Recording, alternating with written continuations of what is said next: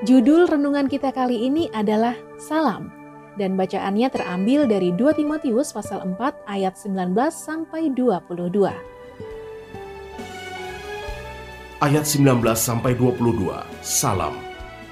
Salam kepada Priska dan Aquila dan kepada keluarga Onesiforus. Erastus tinggal di Korintus dan Trofimus kutinggalkan dalam keadaan sakit di Miletus berusahalah kemari sebelum musim dingin.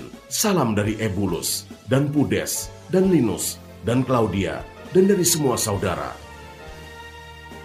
Tuhan menyertai rohmu, kasih karunia-Nya menyertai kamu.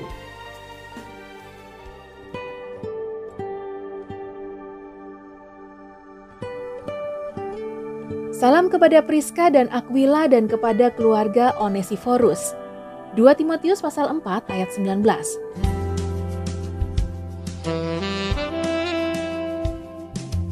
Pendengar yang dikasih Tuhan, tentu kita tidak asing dengan radio. Di tengah perkembangan sarana informasi yang semakin canggih, radio sampai hari ini pun masih banyak sekali peminatnya. Melalui radio, kita bisa mendapatkan kabar atau informasi terkini dengan cepat. Selain itu, kita juga bisa saling mengirimkan salam untuk teman-teman, untuk keluarga, ataupun orang-orang yang kita kenal, sekalipun mereka tinggal jauh dari kita. Di zaman dulu sebelum ada telepon genggam, jika kita ingin mengirimkan salam lewat radio, kita itu harus membeli kartu pos seharga 100 rupiah. Lalu kita menuliskan salam kita untuk siapa saja di atasnya dan penyiar akan membacakannya. Kegiatan saling berbagi salam ini menjadi sangat menyenangkan bagi pengirim dan penerima salam. Karena dengan saling berkirim salam, itu berarti kita masih mengingat satu sama lain kita merasa senang kan karena masih ada orang lain yang mengingat kita. Pendengar yang terkasih, metode ini ternyata juga dipakai oleh Paulus untuk tetap mengingat dan menjaga tali persaudaraan dengan kawan sekerja dan saudara seiman lainnya. Bagi Paulus, menjaga tali persaudaraan menjadi hal yang penting untuk dilakukan, karena itu berkaitan dengan pelayanan yang Paulus lakukan. Di zaman modern ini, di mana alat komunikasi semakin canggih, berkirim salam melalui surat ataupun kartu pos memang sudah jarang dilakukan.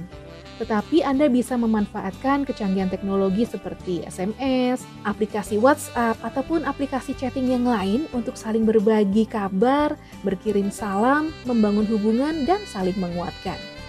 Bahkan dengan fasilitas itu, setiap orang bisa dengan mudah menyampaikan kebenaran firman Allah.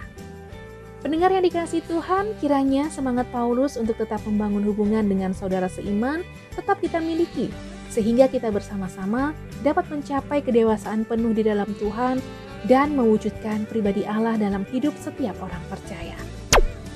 Dan sampaikanlah salam ini kepadanya. Selamat, selamatlah engkau, selamatlah keluargamu, selamatlah segala yang ada padamu. 1 Samuel pasal 25 ayat 6. Tuhan Yesus memberkati.